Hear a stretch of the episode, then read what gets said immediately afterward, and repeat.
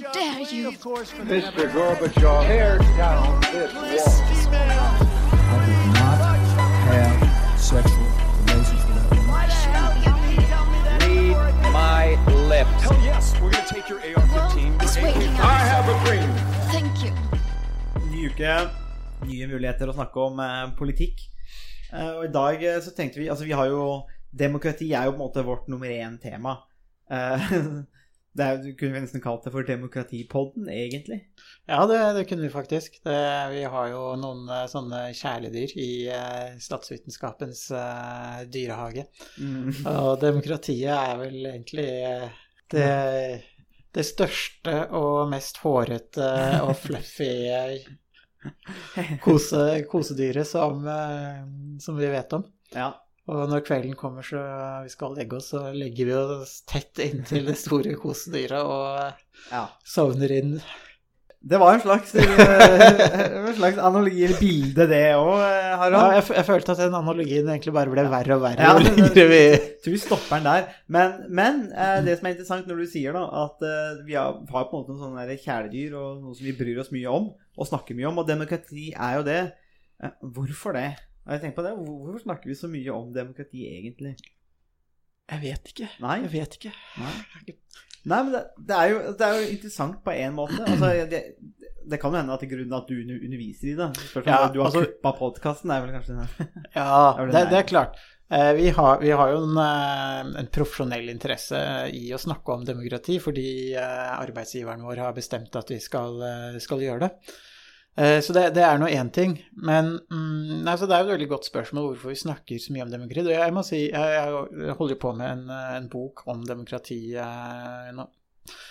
Og underveis i arbeidet med den boken så så har jeg jo egentlig tenkt ganske ofte hvorfor er jeg opptatt av demokrati? Hvorfor, hva er det som gjør at jeg har valgt å bruke så mye tid på å skrive en bok om, eh, om demokrati? Altså det er jo bare en idé, et begrep.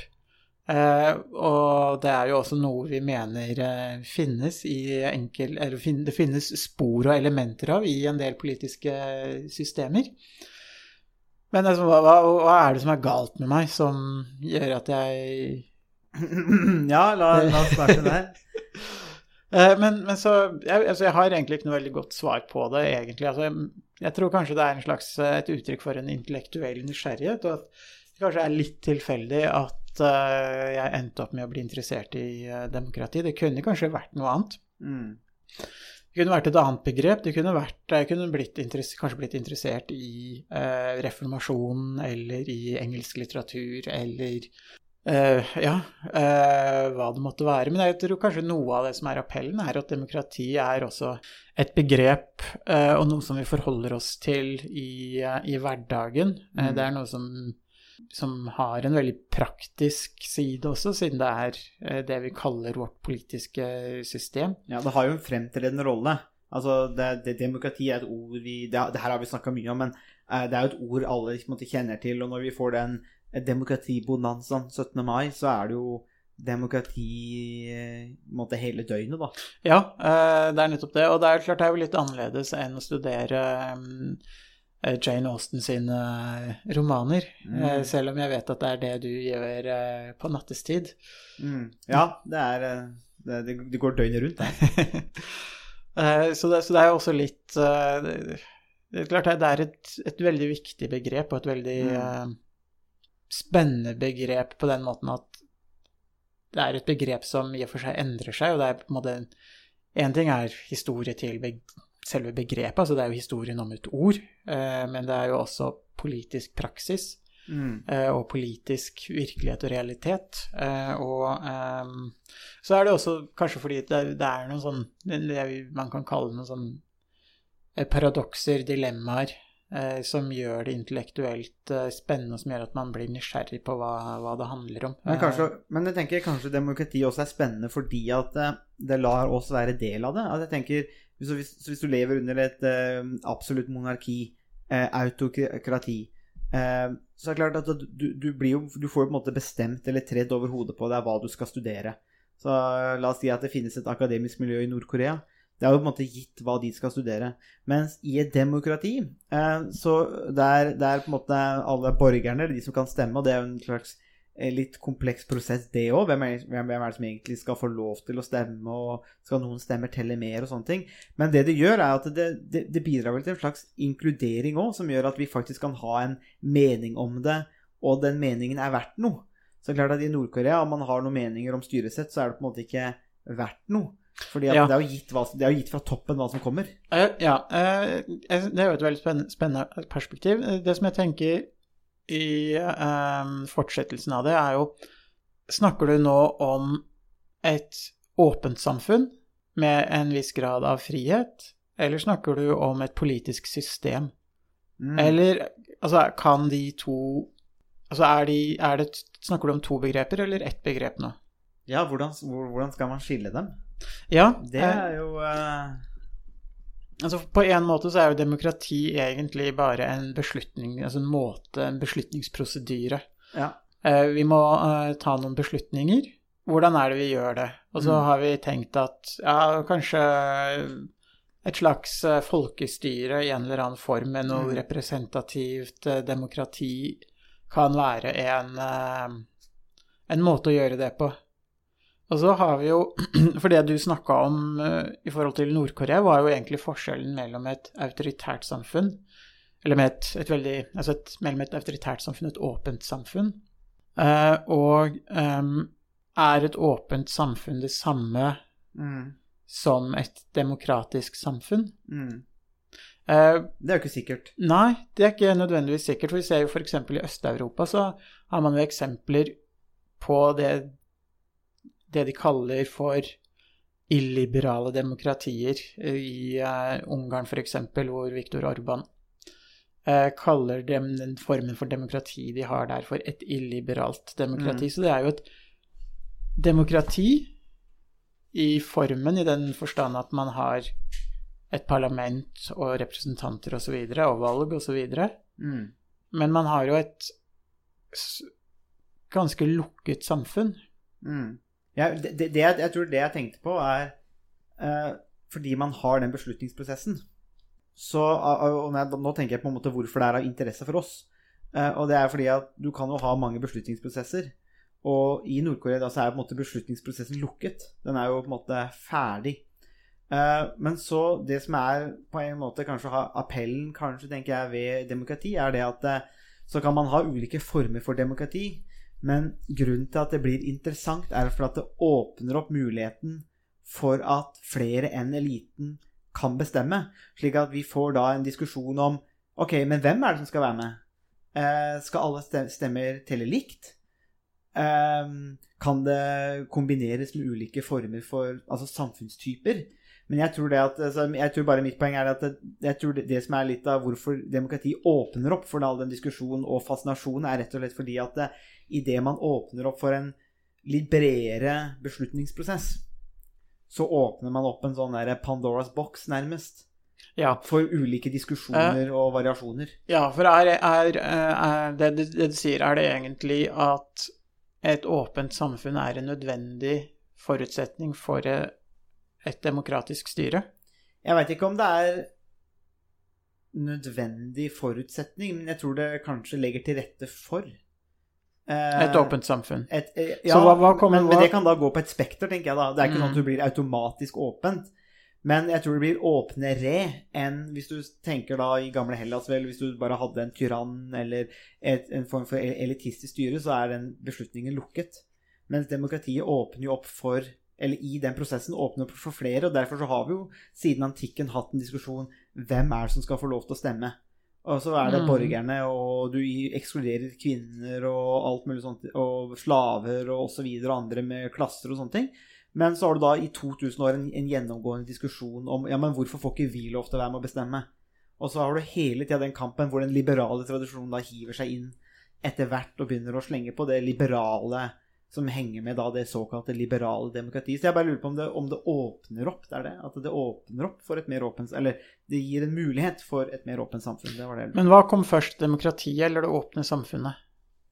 Ja, si det. Det veit jeg ikke.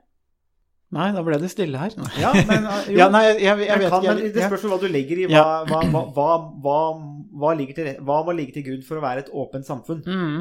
Eh, ikke sant? Eh, og det, Ja, nei, jeg tenker Så, hvis, du- så det, det at borgere kan ta del i, eller innbyggerne eller folk da i et geografisk område, har mulighet til å påvirke sin egen politiske hverdag, eller sin egen hverdag egentlig, da. Mm. Men politikk handler jo om hvem som får hva, når og hvor, så det rommer Mm. stort sett det meste, egentlig. Mm. Så tenker jeg at eh, Ok, så kan man være Ja, jeg vet ikke om man kan være åpen hvis, en, hvis det er en høy grad av ekskludering. Og så, og så tenker jeg kanskje at demokrati kan være en måte å, å åpne opp da, for Ja. andre mennesker, og derfor så blir det fascinerende. Sånn som i Aten i, under antikken, så var det jo eh, kanskje rundt 3000 300 000 innbyggere i byen. Så var det kanskje 30 000 av de innbyggerne, eller kanskje litt mer i Vestfold, Mm. som var politisk aktive, og som deltok, og som hadde mulighet til, til eller som hadde stemmerett og mulighet til å delta i demokratiet. Mm. Var Aten et demokrati, eller ikke? Ja, og, og jeg tror i hvert fall for hva jeg kan ha lest av den type demokratiteorien som jeg har lest, så er det jo et demokrati, for du har et system for å avgjøre stemmegivning. Mm. Så, så, så ja. Ok, og da er neste spørsmål, var det et åpent samfunn? Nei, ja, og det er jeg ikke så sikker på. Nei. Ikke sant? Eh, og der tenker jeg, vi- der er vi jo litt inne på eh, noe av det som er litt spennende, egentlig, Mm. eh, med det vi dis diskuterer nå. For eh, det kan jo virke som at det er mulig å ha et demokrati uten å ha et åpent samfunn, eh, når man ser på, mm. på Aten. Men spørsmålet er i Norge i dag, eller i et moderne samfunn, er det mulig å ha et demokrati uten å ha et åpent samfunn? Mm. det, der er, er det kanskje ikke så lett å skille eh, et åpent samfunn fra et, eh, et demokrati. Nei, det er det jeg lurer på, om det, måtte ha, om, om det har gått så langt. Men tror du at det har noe med eh, da den liberale tradisjonen, som på langt på vei, sånn som i Norge, har gitt oss vårt bilde av demokrati? For det er klart at det, som, som du eh, korrekt påpeker, det går fint an, sånn som i Aten, å ha et demokrati, som, men i et relativt lukka samfunn, eller der man ekskluderer. Fordi demokrati er jo bare en form for beslutningstaking. Men i dagens Norge, sånn som du sier, da, så tenker jeg at det blir litt sånn vanskeligere å skille de to. Rett og slett, Og jeg tror rett og slett at liberalismen har mye av skylden for det. Mm. Ja, um, skylden eller fortjenesten Ja, Eller fortjeneste. Uh, ja, altså, det, skylden blir jo litt sånn i ja, overført eh, Altså, ok, ja, uh, så, så det blir jo en sånn Ja, overført. Men jeg tenker jo faktisk, når du sier det med fortjeneste, så tenker jeg kanskje at det er riktig. mm, Uh, og jeg mener at det er, noe, det, det er kanskje der også på måte, Det er en av liberal, kanskje liberalismens store seier, da. Eh, på en måte. At de vant den kampen. Ja, altså det, ja det, jeg tenker det er et ganske interessant perspektiv. For det man kan si i fortsettelsen av det, er jo at liber, det var liberalismen som klarte å kapre demokratibegrepet på, kanskje på 1800-tallet og, og framover. Uh, og at man fikk en veldig tett kobling mellom demokrati og Mm. eh, liberalisme. Og John Stuart Mill er jo kanskje et eksempel eh, på det. Eh, han skrev jo On Liberty, eh, som er et, en hyllest til friheten. Og han skrev jo også om representativ styre, eller representativt demokrati. Mm. Så fra John Stuart Mill og framover så har det jo kanskje til en viss grad vært en viss En, en ganske tett kobling da mellom liberalisme og eh, demokrati, hvor liberalismen har klart å definere hva som menes med Eller hvordan vi skal forstå demokrati. Men er det derfor Nå er vi jo på en måte inne i noe av eh, kjerne... Hva skal jeg si din. Eh, Men når du da tenker på det, når du sier det, trekker linjen der med liberalismen og demokratiet, er det derfor dette med Altså at når du er borger, når du er statsborger over 18 år, så det legger vi jo fryktelig mye vekt på. Da har du stemmerett. Er det også på en måte en del av den, altså den liberale arven? At, eh, så da tenker jeg Det er mulig jeg tar feil, men da tenker jeg Klassiske liberale legger jo veldig vekt på menneskets, eller individets, autonomi. Og på et, et eller annet tidspunkt så er du på en måte nødt til å innvilge det. Altså Storsamfunnet er på en måte er jo nødt til å innvilge Du lever jo av legitimitet. Og en måte samfunnet gjør det på, er jo ved å si at når du er 18 år, så er du statsborger, og da har du Det er jo en form for legitimitet. Og det det, og, og det, Men det ligger vel også til grunn, tenker jeg, en, at man antar, eller man gir, den, den, altså autonomiteten, og så sier man ok, nå er du en borger, så nå må du stemme, og sånne ting. Tror du det er derfor at det måte er så verdsatt, på en måte, der i demokratiet? For det er fletta sammen med den liberale tankegangen om at eh, det å være de, eh, medlem av et demokrati, eller, ja, og et aktivt medlem, henger så sammen med en positivt forståelse, positiv forståelse av, av menneskets og individets autonomi, da. Hvis du forstår hva jeg prøver å komme ja, fram til. Um, man kan kanskje formulere det på en sånn måte at liberalismen har et bestemt menneskesyn, eller sett med verdier, som, uh, som preger uh, de liberale teoriene.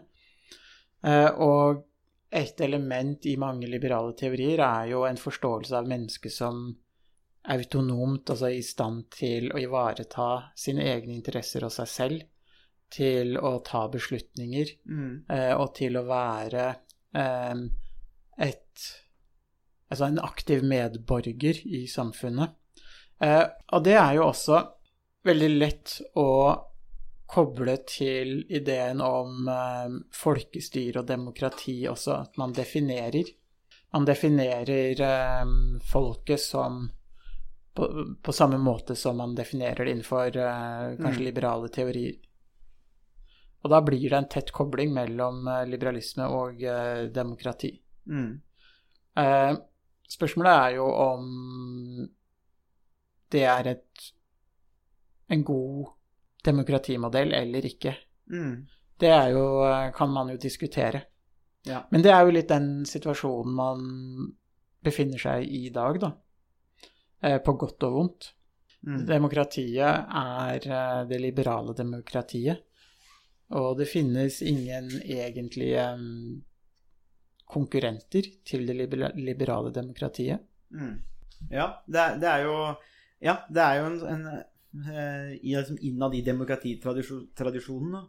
Der er det jo på en måte det liberale demokratiet som har vunnet, sier du. Men det er, jeg tenker, så når du har med det med, med individet eh, Og så tenker jeg at ok, det, det, det kan være en interessant kobling å på en måte forstå hvorfor vi på en måte verdsetter demokratiet så høyt. da, Fordi at vi knytter det til andre ting som ikke har med demokrati sant, som prosess men vi knytter, det, vi, vi knytter andre ting til det og gir det veldig positiv forstand.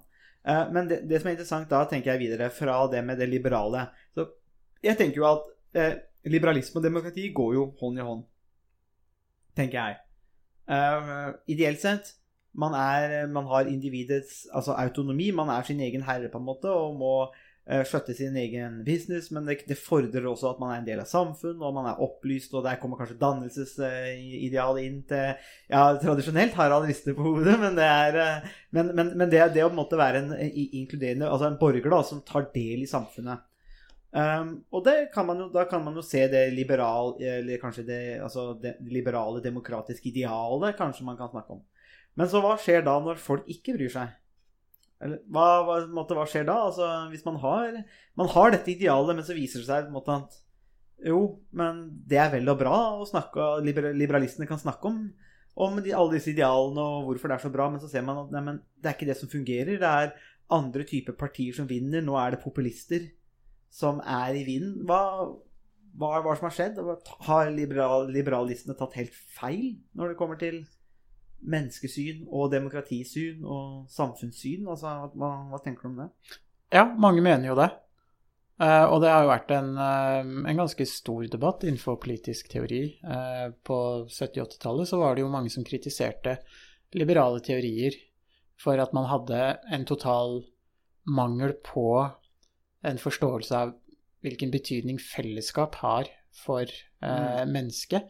At man hadde en forståelse av individet som et sånn helt eh, Ja, fjernt eh, fra virkeligheten, i den forstand at mennesket ble sett på som et, slags, et lite atom eh, som var alene i, i verden, som mm. ikke hadde noe interaksjon med, med andre molekyler eller andre um, atomer. Man var en liten enhet for seg selv. Eh, så det har, det har, vært en kritikk så, mot eh, liberale teorier som, eh, som, har hatt som hadde ganske stor styrke på slutten av Eller på 70-tallet, 80-tallet. mm. Kanskje helt fram til begynnelsen av 90-tallet også. Og man ser jo i uh, mange land i dag at det er uh, At demokratiet er på til uh, Er på, på defensiven, Mm. på tilbakemarsj. Og spørsmålet er jo da hvorfor er demokratiet truet på den måten? Mm. Og det kan jo være at, også at det er noen grupper i befolkningen, kanskje relativt store grupper av befolkningen, som opplever at de ikke helt passer inn i den liberaldemokratiske modellen som er dominerende. Mm. Og det sammen med populisme, hvor det er kanskje noen de- demagoger som eh, er i stand til å, å overbevise folket om at de har en løsning på de politiske problemene Mm. eh, man står overfor. Det, for det som er litt karakteristisk med liberale teorier og li, liberaldemokratiske modeller, er jo det at enkeltindividet får en relativt stor grad av frihet. Og i et åpent samfunn så eh, kan vi som individer surre rundt for oss selv eh, ganske mye. Eh, problemet med det er jo at mange av oss surrer Kanskje surrer det litt for mye til. Og at vi kan Kanskje summen av mange individers valg kan jo da noen ganger føre til noen negative konsekvenser. Mm. Og de som, eh, som reagerer eh, negativt på den type endringer, da, eh, vil jo da kanskje ønske at man har et tettere samfunn, mindre åpenhet osv. Og, og noen eksempler på, på det, for å gjøre det litt mindre abstrakt, jo, kan jo være kvinnefrigjøring, f.eks., som var en, en har vært en stor bevegelse de siste hundre årene. Eh, Og det har, skapte jo ganske mye motstand blant mange. Eh, Og mange tenkte at nei, kvinner har ingenting i arbeidslivet å gjøre, eller på Stortinget, Mm. eller som prester, eller det ene og det andre. Eh, Det, mange av de kampene er jo definitivt over i dag, med god grunn. Og i dagens samfunn så har det kanskje vært noen av de endringene som et åpent samfunn har gitt når det gjelder holdninger ovenfor eh, homofile, lesbiske, eh, transpersoner eh, og andre. Eh, så Som opprører noen mennesker eh, av ulike grunner, og som får noen mennesker til å reagere med at dette burde, man burde ikke ha den åpenheten som samfunnet begynner å vise. Så noe som er kan være kanskje utfordrende med et liberalt og åpent demokratisk samfunn, er jo det at man har ikke helt kontroll over hva som skjer. Plutselig så får kvinnene stemmerett, eh, og plutselig så begynner de å ta, ta jobber fra menn og alt mulig, og plutselig så er, er verden eh, full av homofile og lesbiske. Mm. så det er ikke meninga å være på en måte eh, slei, eh, litt sånn slurvete og sleivete med det her, men, men poenget er at når man ser at samfunnet endrer seg, så er det kanskje for noen grupper så oppleves det som truende, og som gjør at man vil ta et steg tilbake og fjerne seg fra eh, det åpne, liberale samfunnet som, eh, Mm. som dundrer av, av gårde. Ja, det er på moderniseringstoget. Eh, og det er jo bakgrunnen for hvorfor vi på en måte tar den podkastepisoden her. er jo det At det, det skjer ting og tang i Europa, særlig. eh, Polen, eh, som går ja, vi, vi, får vel si en ganske illiberal vei. En ting er jo men det som er, og fordi at det er jo et veldig angrep der på pressen, men også rettsstaten. Og det blir jo noe annet enn demokratiet, men, men likevel. Det er en sånn totalpakke. Går også etter de frie, frie mediene. Og har også sett, ut, sett for seg disse altså lesbiske og homofile, altså eh, LGBT-grupper, altså som eh, en måte mål da, for en type retorikk og populisme som er på en måte litt eh, skremmende, i hvert fall hvis man eh, legger et visst menneskesyn til grunn. Eh, og så har man også Hviterussland, hvor man nå ser en kamp eh, mot eh, den sittende diktatoren, får vi kanskje si det sånn. eh, og en, en, en demokratibevegelse som eh, forsøker å vinne fram. Men det som er interessant, er jo på en måte sånn hvordan demokratiet måte kan flippe over òg. Jeg tenker på Det mest kjente eksempelet er jo på en måte Nazi-Tyskland, eller Tyskland, da, hvor nazistene tross alt vant litt og litt uh, mer makt gjennom demokratiske valg. Og det, jeg tenker litt når jeg ser de sakene som skjer i Polen nå, altså hvor, hvor man får eh, en sånn reaksjonær politisk bevegelse, men den har jo en stor støtte i befolkningen. Eh, og det også er litt sånn interessant hvordan man kan ha så vi, snakker, vi har nå snakka om disse liberalene og det der med åpent samfunn. Men det kan jo da gå andre veien, sånn som du akkurat nå snakket om, hvor du kan bruke demokratisk, altså vinne demokratiske valg for å måtte lukke samfunnet litt mer. Eller i hvert fall for noen grupper, da.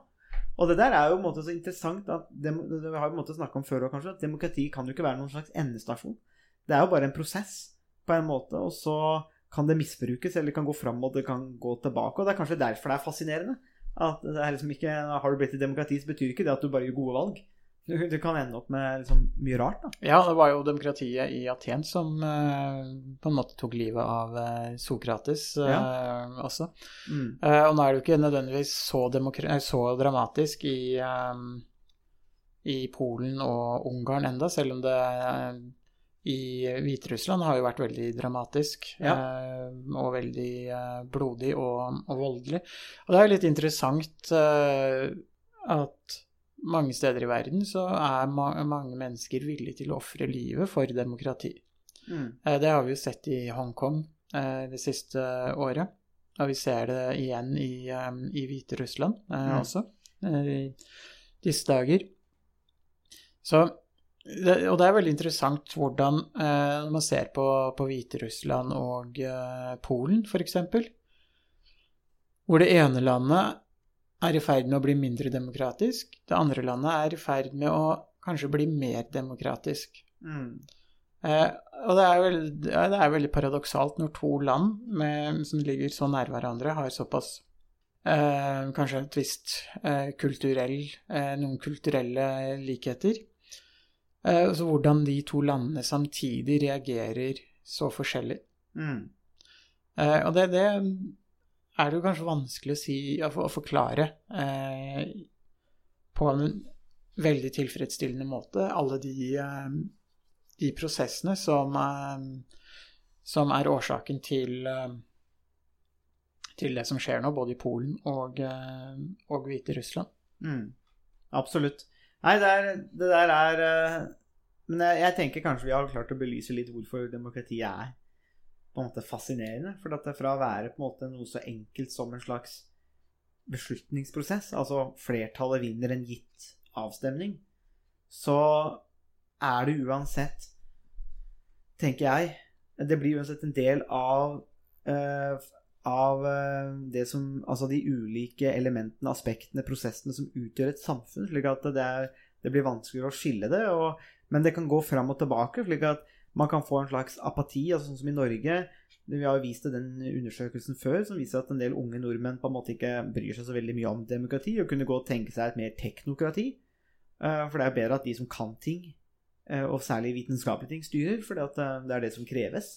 Og så når man da ser på Debatten eller andre politiske programmer, og du ser på en måte politikerne i Norge, så ser man jo det at det, det er jo ikke det beste Norge har fostra, som sitter i Stortinget. Det, det, er en påstand jeg har lyst til å slenge ut her.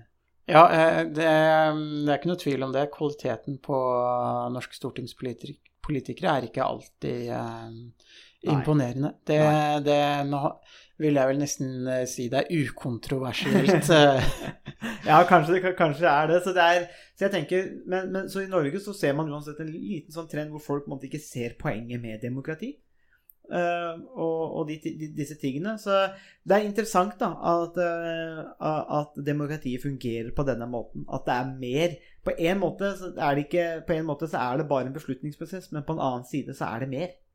Uh, og det ser ut til å være et fenomen som enkelt kan knytte seg til ja, forskjellige bevegelser. Da. Det kan måtte være liberale, men det kan også være illiberalt. Altså, det kan brukes på, mange, som, på mange mulige måter. Og jeg tenker det vi ser uansett, da, er at demokrati til sjuende og sist ja, ja, nå er Dette er bare en, en, en, et spørsmål, på en måte.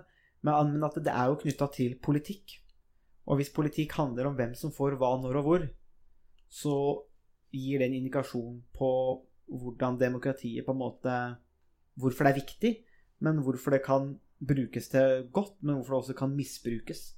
Fordi, og det, også tenker jeg jo at eh, hvis du er en klasse, da, sånn som i Hviterussland eller Polen, så kan du også legitimere legitimere din egen politikk fordi at du har flere i ryggen.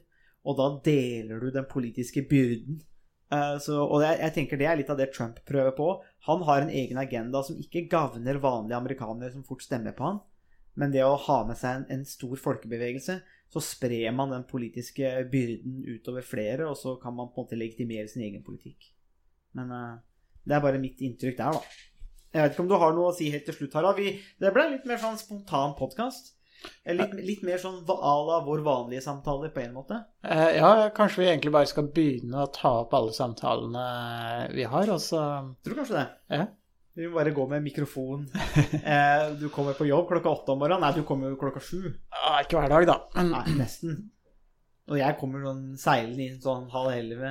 Du kommer til lunsj, du. ja, jeg, jeg, starter, jeg, jeg, starter på, jeg starter til lunsj. Eh, da kan de nå meg nede på, på Grand Café eller på kokkekollektivet. Så de bare ringe dit, og så eh, er jeg ute til lunsj, da. Men det er en annen sak. Så, men det er ikke noe Er det noe bevingende siste ord, eller er det har vi dekt over eh, en sånn, liten sånn statusoppdateringer på demokratiet i 2020?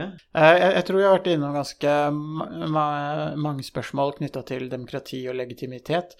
Eh, det vi kanskje kunne sagt enda mer om, er jo litt mer sånn noe, kommentert kanskje enda, enda, i enda mer detalj noe av det som har skjedd i både Polen, eh, Hviterussland, Ungarn og, og andre steder. Men eh, det kan kanskje bli eh, en senere podkast, og da ja. vil, vi kanskje vite litt mer om hvordan uh, demokratiprosessen uh, ender i, i Hviterussland også. Ja, jeg tenker det her kommer igjen som en eh, podkast i nærmeste framtid. Ja. Det var det vi hadde å by på i denne ukas episode av Statsvitenskap og sånt. Musikken er komponert av Robin Horvath, og Thomas Colato står for miksing og redigering. Du finner oss på Facebook. Bare søk på statsvitenskap og sånt. Der kan dere komme i kontakt med oss hvis dere har spørsmål eller kommentarer. Der finner du også aktuelle artikler, videoer med mer. Vi setter pris på om dere liker sida, og deler den med andre som dere tenker vil ha glede av å høre på podkasten. Vi høres. change is coming whether you like it or not.